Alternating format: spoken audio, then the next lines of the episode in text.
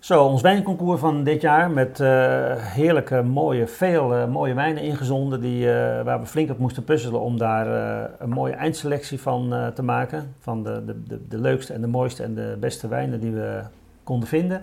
Waarbij we op 101 mooie favorieten zijn uitgekomen. Ja, 101 net weer eentje meer dan de 100 die we altijd voor ogen hebben. Maar wel echt mooie winnaars en bijzondere wijnen. Waarbij we hier de categorie eh, rood tussen de 15 en 20 euro uh, hebben staan. De 1 tot en met 3. Uh, drie wijnen uit, waarvan twee uit Spanje overigens. Wat Spanje toch in deze prijscategorie leuk scoort. Is niet eens zo verrassend misschien. Nee, nee. Dat, en, en één Chileense wijn. Ja.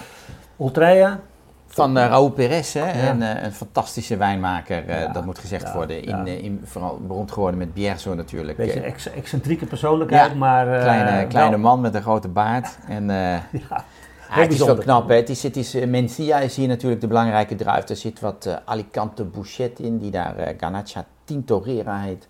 En er zit ook nog wat Bastardo in. Dit is de cuvée Saint-Jacques, uh, Ultraja Saint-Jacques. Hij maakt daar meerdere, dus uh, dat is ja, wel belangrijk. je hebt ook daar die, uh, die Camino de, de Saint-Jacques. Dus die, ja, precies. Die daar is hij naar vernoemd. Ja. dorp. Als je dus in het dorp daar zit, in Bierzon, ja. dan zie je die hordes toeristen met die rugzakjes en die hostels, die zie je daar de hele tijd langs trekken. Waarvan je dus ook meteen denkt van, daar wil ik nooit bij horen. Nee, nee, nee. de naam die is daar, mooi, relateert daar mooi aan. En dat, is, dat is echt het gebied van de de pelgrimstocht naar Santiago. Ja, dus de derde plek uh, voor uh, Ultraja Saint-Jacques, uh, um, geïmporteerd en verkocht natuurlijk door uh, Les Généreux, 1675 is de prijs.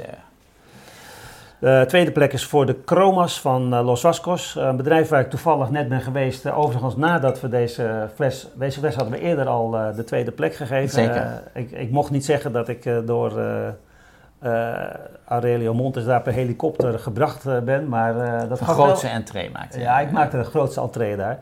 Maar dan kon je ook wel zien dat het een heel bijzonder en enorm domein is met meer dan 3000 hectare grond. Ja. prachtige wijngaarden, zo tegen de heuvels aan ligt het. En wat me ook opviel daar, ze doen ook tegenwoordig biologisch boeren zoveel vogels. Wat je hier in Nederland zie je eigenlijk bijna geen vogels meer. Dat is de, de realiteit van nu. En daar barsten het van de vogels. En dat, dat is toch mooi om te zien, uh, moet ik zeggen. Uh, ander opvallend iets bij Los Vascos is dat de, de, de etiketten zijn uh, totaal veranderd. En de namen zijn ook veranderd. De Los, deze Chromas was vroeger de Grande Serva. Een beetje een saai etiket. Alle ja. etiketten hebben nu een kleur gekregen. En ze, het is allemaal een beetje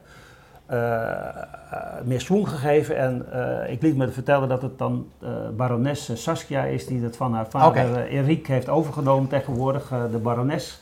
Die, ja, maar dat moet je nog even vertellen, denk ik. Ja, het is onderdeel stoffen, van... Die, het is van de Rothschild, inderdaad. Ja. Je hebt gelijk. Het is, de, de, eigenaren zijn de, de, de Rothschilds van Lafitte. Ja, en zij heeft een beetje de, ze haalt een beetje de bezem door het bedrijf, maar op een, ze vonden op een heel positieve manier. Dus, ja. en knappe Carmenère. Het is Carmenère, dat, ja, dat wil nog wel eens een beetje groenig zijn, maar het is hier heel mooi, uh, heel mooi gecontroleerd allemaal. Ja, maar het is een mooie plek daar. Het is natuurlijk net uh, wat koelte van de, van de stille oceaan, van de Pacific. Uh, en warm genoeg om die Carmenère mooi te laten rijpen. Dus dan heerlijke wijn. Van de, Monnik, de monnikdranken. 15 tot 20 euro, prijscategorie 7, dus Mooie 6, prijs. 7, ja. Heerlijk, ja. En dan de winnaar, uh, uh, Viñedos de la Provincia van uh, Prieto Pariente. dat, is, ja, dat is gelieerd aan de bekende Rueda-producent. En ze werken met allerlei, dit is de 2020, ze maken meerdere cuvées. Maar ze werken allemaal met oude wijngaarden. Eigenlijk een beetje in het gebied zo. Rueda, Cigales, westelijk Ribera del Duero. Ze hebben ook wijngaarden in de, in de Sierra de Gredos, voor Ganacha natuurlijk een beetje een hotspot. En uh, Tempranillo en, uh, en uh, Ganacha, deze wijn. Ja, prachtig, prachtig opgevoerd in, in barriques, maar niet, ja, niet allemaal nieuw hout. Ja, prachtig. ja. ja.